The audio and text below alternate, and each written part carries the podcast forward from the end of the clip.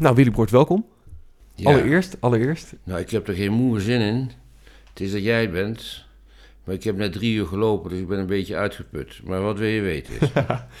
Vaak eh, zeg je dat het je allerlaatste interview ooit is. ja, dat is dit toch ook weer weer, ja. Ja? Ja, Wat verwacht je van je allerlaatste interview vandaag? niet veel. Je volledige naam, Willy wordt Jan Louis Maria. je leeftijd, Dat zou ik niet meer weten. 77. beroep, Gepensioneerd. Bekend van, Dat ik met een bijl achterna gezeten word. Dat ik de eerste ben die de confrontatie journalistiek eh, gedaan heeft en geïntroduceerd heeft. En ik, ja, ik heb wel opvallende reportages gemaakt. Dat mag ik wel zeggen, ja. In alle bescheidenheid. verliefd, verloofd of getrouwd. Ja, alle drie wel. Je favoriete scheldwoord. Nou, dat is wel godverdomme, denk ik. Flikker op, klootzak. Ja. Wat was de allereerste keer dat je in aanraking kwam met de journalistiek? Nou, mijn vader dat was vroeger degene die het eerst een eh, talkshow had bij de KRO. En, eh, en die, die werkte bij de KRO, dat heette Gastenboek, en interviewde hij ministers. En bisschoppen, ook niet te vergeten. Nou, daar ging ik wel eens mee. En dat was de eerste keer dat ik dus de studio zag. Dat vond ik wel heel indrukwekkend. Nou, dat leek wel de hemel. Ik denk, nou, dit is mijn levens. Ja. En eh, toen ben ik in dienst gegaan en toen vroegen ze mij terug. En toen ben ik eerst producer geworden. As- Assistent van, van alles en iedereen. En dat je het vak geleerd hebt, dat eh, is ondertussen wel duidelijk. Eh, laten we even luisteren naar wat je allemaal gedaan hebt. Eens aan. Willy Jean-Louis Maria Frequin wordt op 6 september 1941 geboren in Arnhem. Zijn vader is de hoofdredacteur van de Gelderlander, dus hij komt op jonge leeftijd al in aanraking met de journalistiek. Op zijn 22e begint hij achter de schermen bij Studio Sport en hij werkt zich al snel omhoog tot reporter bij het programma Brandpunt. Zijn stijl van interview is echt uniek voor die tijd. Hij is namelijk brutaal, neemt geen blad voor de mond en confronteert iedereen. Waar Willy Broert is, is commotie. En waar commotie is, is Willy Broert. Voor Brandpunt interviewt hij de grote der aarde, waaronder moeder Teresa en de paus. En als enige durft hij prins Bernhard te vragen naar een omkoopschandaal waar de prins bij betrokken was. Hoogheid, eh, mijn naam is Rick Herman van Brandpunt. Mag ik u vragen, wat vindt u nou van al die beschuldigingen die u eh, geuit zijn? Maar ook Willy Broert bleek niet onaantastbaar. Nadat hem wordt verweten een complete aflevering over de handel in mensenschedels uit zijn duim te hebben gezogen, moet hij de biezen pakken. Hij verlaat de KRO en gaat aan de slag bij de commerciële televisie. En ook daar gaat hij altijd keurig gekleed de confrontatie aan. Vind je niet ah, walgelijk wat je daar gedaan hebt? Ja, zeker. En Dirk ook? Ja, zeker. Moet je niet kotsen? Ja. Voor jezelf? En dat is iets wat hem niet bij iedereen geliefd maakt.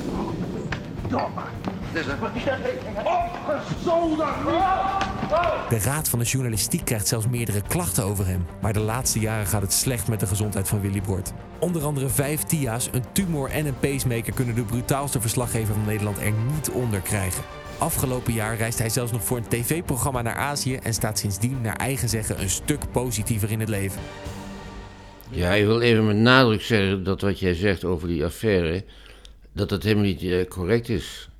Ik heb de, tip ge- gehoord en iemand anders heeft hem gemaakt, de eindredacteur. En het is het misverstand bij het journaal en de NRC's en zo, om dat zo te vermelden. Maar dat is absoluut niet waar. Ik ben ook helemaal niet weggestuurd, ik ben zelf weggegaan. Althans, ik heb me teruggetrokken uit, om eh, zuiverheidsredenen. En bij de fi- film zijn eh, vier mensen van de politie geweest. En eh, de patholoog-anatomen van de twee ziekenhuizen in Amsterdam, die hebben alles goedgekeurd.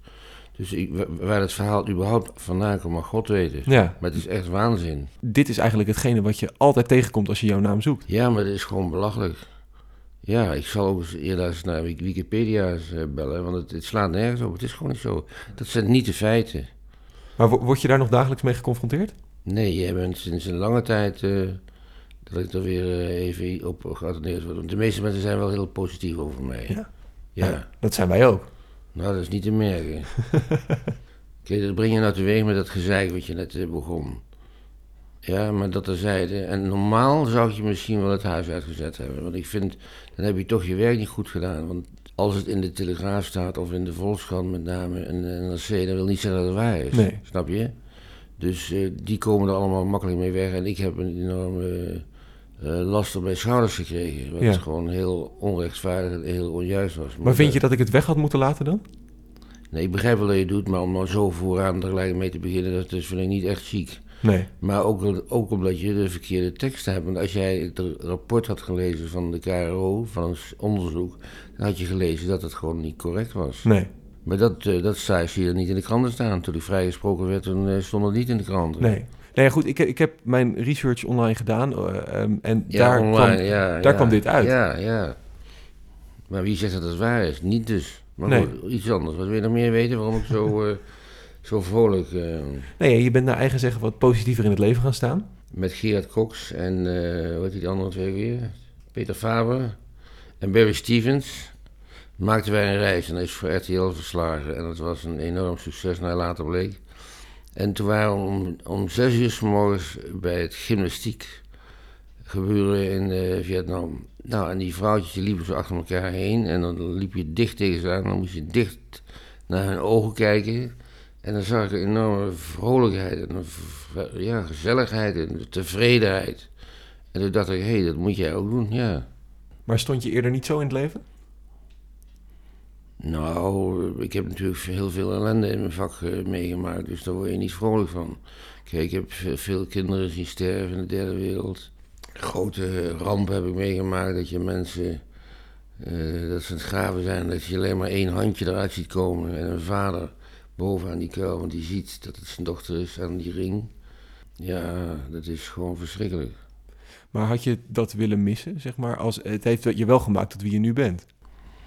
Nou, ik heb van huis uit uh, hebben wij het adagium om de medemens te helpen. Dus dat, het paste wel heel erg precies in mijn, uh, mijn levensfilosofie. Maar als ik hersens had gehad, had ik het niet moeten doen, want het heeft mijn leven natuurlijk wel vergroot. Je, kon, je kunt nooit al die jaren echt vrolijk zijn en genieten, eerlijk gezegd. Omdat je constant bezig bent met het ellende van andere mensen. Ja, dan denk je van waarom zij wel en waarom sterven hun kindje wel en mijn kindje niet. En uh, wij, wij, wij worden dik van uh, vreten en zuipen en zij hebben niet eens iets te drinken en te eten. Nee. Dus als je dat dan systematisch ziet, vele jaren, ja, dan, uh, dan trekt het wel een enorme wissel. En is dat nee, een, soort, een soort boosheid? Ja, ik keek, ik keek vaak naar boven toe. Toen zei ik, god, god, verdomme, doe eens vandaan een klootzak. En dan dacht ik van, nou, ik kom dus niet meer in de hemel, maar dat maakt me dan geen reet uit. Voor een normaal iemand zoals ik is dat niet te bevatten. Maar heeft dat, is dat de drive geweest achter je journalistieke werk? Nee, dat zat gewoon in me volgens mij, ja. Maar er was wel een extra drive. Te meer dat ik draaide met Lajos Kalanus, de Hongaar die gevlucht was uit Hongarije en die had al vijf jaar in de dodencel gezeten. Onder dat verschrikkelijke communistische regime. Mm -hmm. Dus wij waren beide heel erg gemotiveerd om, uh, ja, om de wereld uh, te laten zien wat er gebeurde. Snap je? Mm -hmm. En vele reportages zijn ook de hele wereld rondgegaan. En die hebben ook de, de, de, de premiers en de presidenten bereikt. Waardoor ik toch een bijdrage heb geleverd, zeg ik in alle bescheidenheid, in, in uh, de verandering en de hulp uh, in de samenleving, ja. En waar ben je nou het meest trots op van alles? Nou, ik ben helemaal niet zo trots eigenlijk, want er is, uiteindelijk is er niks opgelost. Ja, als je nou ziet wat er weer in Syrië gebeurt en, en hoe ze elkaar vermoorden zoals, uh, zoals die Turk bezig is. Maar we, ik heb me wel, dat wil ik dan wel even, dat wil ik wel zeggen, ik heb me het hele leven uh, wel in, enorm ingezet voor de medemens. Ja. Dus zowel de mensen die honger hadden, uh, hebben geprobeerd uh, eten te geven. Uh, en ik heb mensen die in een dictatuur zaten, heb ik ook steun gegeven. En dan ja. gingen we dus stiekem naar ze toe. Want het mocht natuurlijk niet in die landen in die tijd. En dan vertelden ze wat, wat, wat hun aangedaan werd. Ja, en dan kregen ze een dag van mij om na te denken of ik het wel uit moest zenden. Want ja, mijn reportage ging altijd de hele wereld over bijna. Mm -hmm. Dus ja, dan werden ze opgepakt en dan gingen ze naar Siberië of waar dan ook. Maar dat lijkt me een enorme druk die op je komt als journalist. Dat doe je gewoon. Je wil die mensen helpen. En als je nu terugkijkt op, op je carrière, de manier hoe jij het gedaan hebt, is dat de meest ideale weg geweest? Ja, absoluut. Want waarom zou dat niet zo zijn dan? Dat mensen kritiek hadden op mijn manier van werken, dat interesseert mij toch geen reet. Nee. Ik heb mensen geholpen en, en, bijna niemand kan het in Nederland zeggen, snap je? Mm -hmm. Dus daar kan ik heel giftig over worden. Allemaal met, met die grote kwebbel, ja, Afrikaan dit, Afrikaan dat. Ik heb, ik heb het meisje van nul, dat is een heel mooi voorbeeld. Ja, je, weet, je kent het verhaal. Mm -hmm. Nou, vertel eens dan in het kort.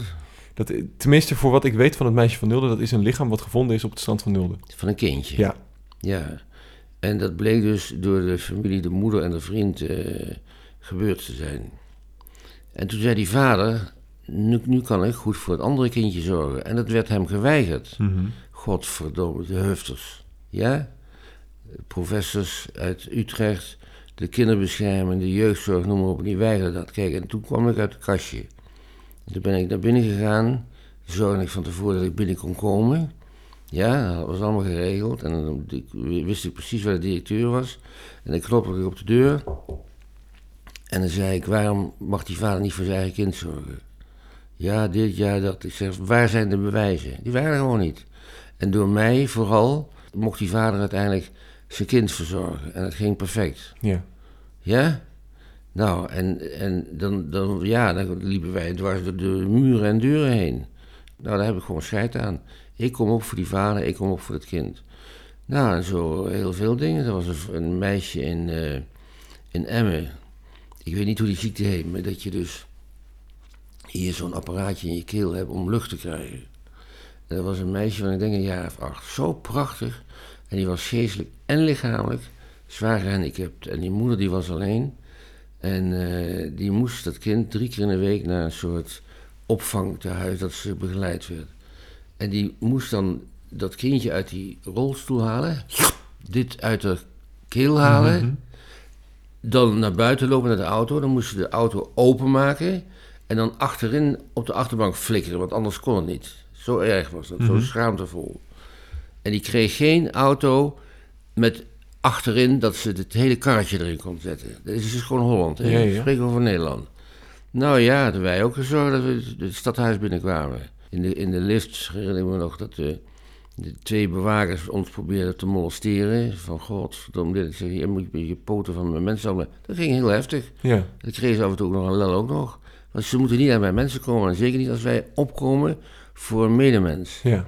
Ja, nou, wij aangeklopt bij de, bij de, eh, de burgemeester. En ik gelijk gezegd wat ik wilde. Ja, ik zeg, dat kan je toch niet maken dat jij als burgemeester zo'n kind laat barsten? Ja, kijk eens naar de opname die wij gemaakt hebben. Dat weet je toch niet in jouw gemeente? Nou, smiddags was het geregeld. Dus als ik dat nou per brief had aangevraagd of wat dan ook, wat die moeder trouwens al lang eh, jaren gedaan had, dan was er niks gebeurd. Nou, en dan mag iedereen kanker over mijn manier van werken, maar ik heb heel veel, honderden mensen eh, heb ik geholpen. Wanneer was het nou voor het eerst dat jij dacht, ik moet deze manier van journalistiek gaan maken? Of zat dat altijd al in je? Ja, dat ging vanzelf. Er, er was een, een, eh, politieagent, eh, op de Schelling was het volgens mij. En die was beschuldigd door zijn dochter van seksueel misbruik. En die man die werd, moet je horen, op een eiland zit je dan. En je kunt dus nergens naartoe. S'nachts gearresteerd. Met helikopters, met toestanden, met, nou, je wil het gewoon niet weten. En die werd vastgezet en zijn hele leven werd geruïneerd. Wat blijkt dan later, dat het meisje dat nooit gezegd heeft, maar dat stond in een rapport wat een rechercheur verdraaid heeft. Moet dan zo'n vader en moeder hè, daar enorm onder lijden? Dat is natuurlijk een verschrikking als je dat eh, hoort. Mhm. En dan, is, het- dan, dan gaat zo'n eh, inspecteur, die gaat vrij uit. Nou, bij mij dus niet. En ik zocht hem op om een voor hem kwetsbare plaats, toen hij uit de kerk kwam zondags. Ja. Nou, hij kon geen kant uit, niet naar links en niet naar rechts. En ik vraag aan hem, waarom heb je dat gedaan? En waarom heb je niet op zijn minst gezegd van sorry? Want een heel leven van een heel gezin is geruineerd. Dat, kan dat kunnen mensen zich niet voorstellen. En dan denken ze, ja, ik kom er wel mee weg. Ik kan nu nog ter plekke agressief ervan Ja, worden. ik, ik zie je ook wel Ja, druk je, maken. maar dat kun je toch niet maken? Ik kan toch niet zomaar zeggen van, eh, dat jij een, een, een, een, een pedofiel bent. Nee. nee En, dan, blijkt, dan blijkt later niet te zijn. En dan eh, laat ik je maar rond en de hele buurt lult over jou. Je maar dat is nu ook wat er gebeurt met de MeToo-verhalen. Ja, Wat er, eh, dat mensen beschuldigd worden die helemaal niks gedaan hebben, maar Ja, hun hele carrière naar de dat is toch schande? En een of andere wijf die roepen ineens na 35 jaar, 25 jaar van... Ja, hij heeft op mijn kontje gezeten of hij heeft me misbruikt. Nou, ik moet het allemaal nog zien eerlijk gezegd. Ja. Toen jij begon hiermee, ter- terug eigenlijk naar de vraag van net. ehm, hoe, hoe was jij? Want als jonge journalist, tenminste dat merk ik ook, dan heb je een bepaalde onzekerheid ook nog. Weet je, je kan niet even, denk ik, gewoon met de microfoon Nou, je iemand moet toe- gewoon je werk doen. Je moet gewoon weten, wat is het onderwerp? Ja, En wat wil ik eh, bereiken? En dan moet je zorgen dat je dat voor elkaar krijgt met eh, behulp van, eh, Ja, interviews en met uh, feiten, materiaal. Ja, zo gaat dat. En wat was de allereerste keer dat je iemand, zeg maar, op deze nou, de manier eerste, Ik ben begonnen eigenlijk mijn carrière met een interviewtje met Prins Bernhard. Dat was ook gelijk de kortste. Ja. Die was toen, uh, was echt groot nieuws dat hij beschuldigd werd van... Uh, dat hij steekpenningen had aangenomen. Nou, die was nergens te vinden. Maar ik was erachter gekomen dat hij dus bij een, in Hilton in Amsterdam... bij een soort gala was. Ja, en ik natuurlijk zorgde dat ik daar in de buurt stond. Wat vindt u van al die beschuldigingen? Dat was de enige vraag die ik stelde. Mhm. toen zei hij, ja, kerel, ben je belazerd om mij dat te vragen? En toen riep de koningin ook nog even van, wie is die vlerk? Ja, zo is mijn carrière begonnen.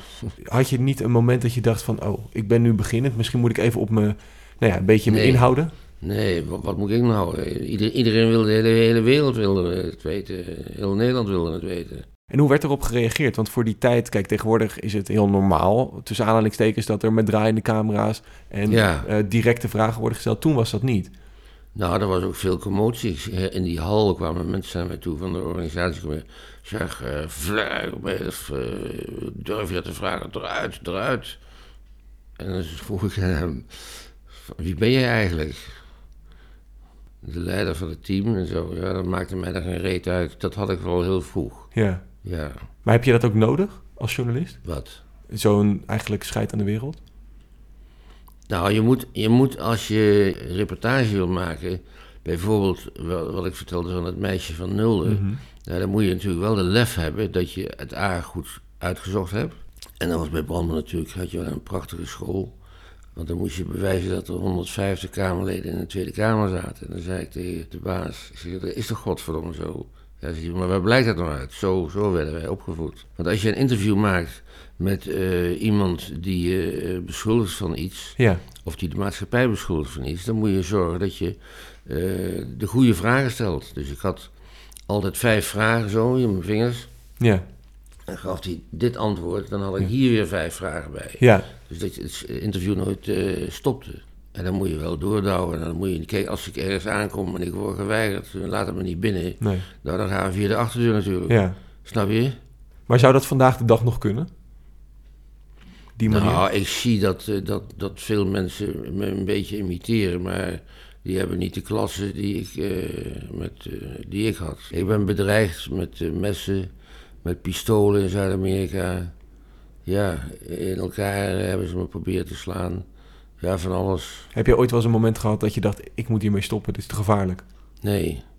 Maar ik had wel een keer, ik was in Putten. Dat was het proces tegen de verdachte van de, de moord op de stewardess. Nou, op een komt er een auto aanrijden. Toen kwam er een, een eh, jongen uit. En dat bleek later zijn zoon te zijn. En eh, haar eh, broer dus. Met een bijl. Die pakte een bijl uit de auto. En die sloeg richting die vader. En toen zag hij mij ineens. Nou zeg, toen kwam hij achter mij aan. En dat is de enige keer dat ik dus dacht van... Ja, ik laat me toch niet door zo'n lul uit Putten uit het leven slaan. Toen ben ik weggelopen. Ja. Heel hard, heel hard, heel hard. Maar voor de rest ben ik nooit echt weggelopen, nee. In je hele carrière eh, heb je ook regelmatig kritiek gehad, vertelde je net. Niet iedereen was even eens met je manier van werken. Kijk, ik kwam op voor de vader van het meisje... Ja, die zijn eigen kind wilde verzorgen. Mhm. Waarom niet, godverdomme? ja, Snap je? En dan gaan er een paar wijsneuzen van de kinderbescherming... en van zo'n professor dan beslissen dat hij daar niet capabel voor was. Die man had er nooit iets verkeerds gedaan. Mhm. Ja, dan heb je een goeie naar mij, hoor. Dan ben ik een, een ijzervreter. Ja. Maar wat doet dat met jou als mensen zeggen, ik vind het gewoon echt helemaal niet goed wat je maakt. Of ik vind het echt vervelend wat je doet. Daar veeg ik mijn reet mee af. Ja, want die mensen hebben geen idee wat voor ellende en verdriet er in, in vele Nederlandse huisgezinnen zijn. En zij hebben alleen maar commentaar. En ze doen er zelf- voor de rest zelf geen flikker aan. Ik kan als een van de weinige mensen zeggen in Nederland dat ik heel veel mensen heel erg daadwerkelijk geholpen heb. Dus mensen die kritiek hebben, ja, ik heb wel eens een deur eh, bijna eruit geramd. Ja, en eh, ik heb wel eens iemand opzij gedouwd, maar dat maakte me geen reet uit. Ik laat me niet door bewakers tegenhouden die, als ik bij de burgemeester wil zijn, van, om eh, verantwoording af te vragen van waarom hij, waarom dat meisje niet een karretje krijgt, een tweedehands autootje, Mhm. ja, en niet iedere dag die dat sleurtje uit de keel moet halen. En dan, nou, dat is godverdomme. Waar, waar lullen we dan over? Wie, Ja. wie mag dan kritiek hebben als ik daar een reportage over maak? Ja. Dus jij zegt al, het doel heiligt de middelen eigenlijk. La, laat ze godverdomme naar die burgemeester gaan en zeggen tegen klootzak, waarom eh, krijgt dat meisje dat niet? Nee. Snap je het verschil? ja, ja, ik snap het verschil. Ja, flikker toch op. Ja, daar kan ik heel erg giftig over worden. Ja, Er is niemand, nogmaals, die zoveel voor de medemens gedaan heeft als ik. En dan heb ik nog veel te weinig gedaan, ja. wat had je nog willen doen? Nou, ik had wel een paar dependantes willen hebben met nog een stel mensen. Dat we veel meer mensen hadden kunnen helpen. Ja, want er is echt verschrikkelijk veel ellende in Nederland hoor. Had je op een gegeven moment ook de naam, eh, dat als jij alleen maar belde al, dat het eigenlijk al geregeld was? Ja, dat is gebeurd ook vaak ja, op een gegeven moment. Ja, die dachten, ze, we moeten Frikka niet eh, aan de deur hebben. Ja, dat is inderdaad zo. Maar dat is, als tv-maker is dat wel vervelend, lijkt me. Want dan heb je Ja. geen content. Ja, dat was heel vervelend. Maar ik was, ook, ik was nog meer blij eigenlijk, omdat die mensen dan geholpen werden. Ik ben zelf 24 jaar, afgestudeerd journalist, maar ook beginnend. Eh, als iemand tegen mij zegt, ja, ik vond dat gewoon niet zo goed... of ze intimideren me hard genoeg, dan, dan doet dat me, wat met mij. Wat, wat, voor, wat voor... Ja, hoe zou jij... Ja, dan moet je snel eh, naast je neerleggen. Je moet altijd je- jezelf afvragen, maar voor je begint, heb ik me goed voorbereid. Ja. Dus echt 100%.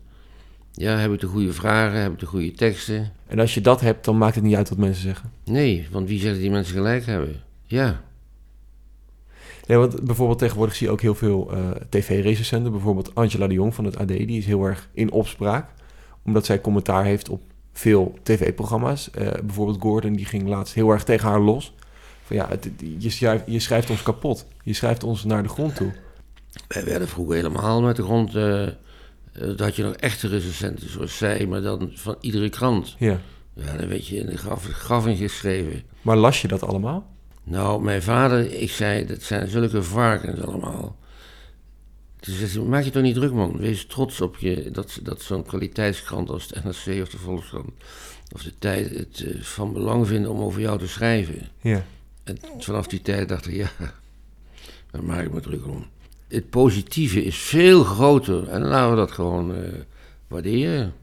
Werd jij harder aangepakt omdat je zelf ook met gestrekt been in dingen ging? Ja, ik denk het wel. Maar kijk, ik heb, wat ik je net zei over wat mijn vader zei, ik heb daarna nooit echt meer...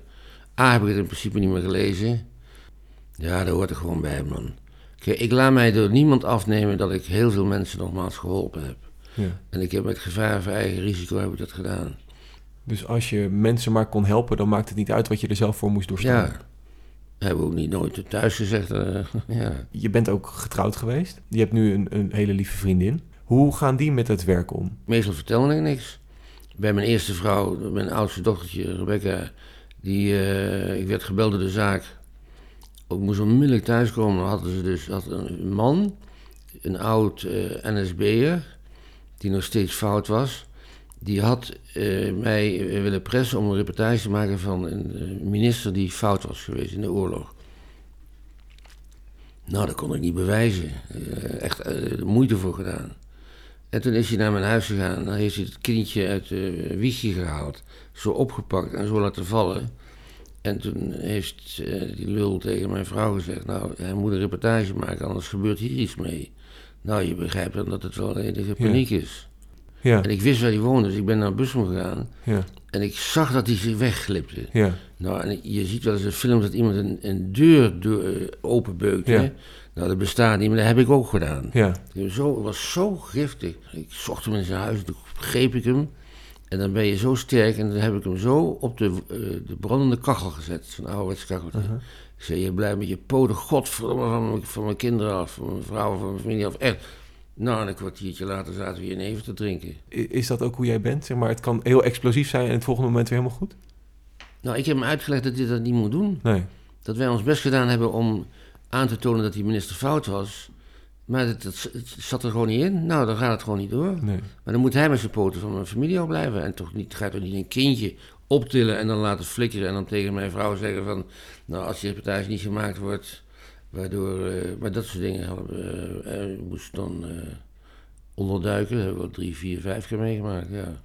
Ja, we hebben heel veel dingen meegemaakt, man. Maar als jij er niet met je vrouw over praat thuis om haar buiten je werk te houden, met wie praat je dan over de problemen? Want je- Niemand? Nou, ik- mijn vader, die heb ik wel eens aangesproken. En van Dries van Acht, toen ik op het katshuis bij hem was. En moeder Teresa, die, waar ik bij was. Ik zeg, leg me nou eens uit waarom God dat toestaat. Hè? Godverdomme, die moet toch zorgen dat iedereen vrolijk is en iedereen gezellig is.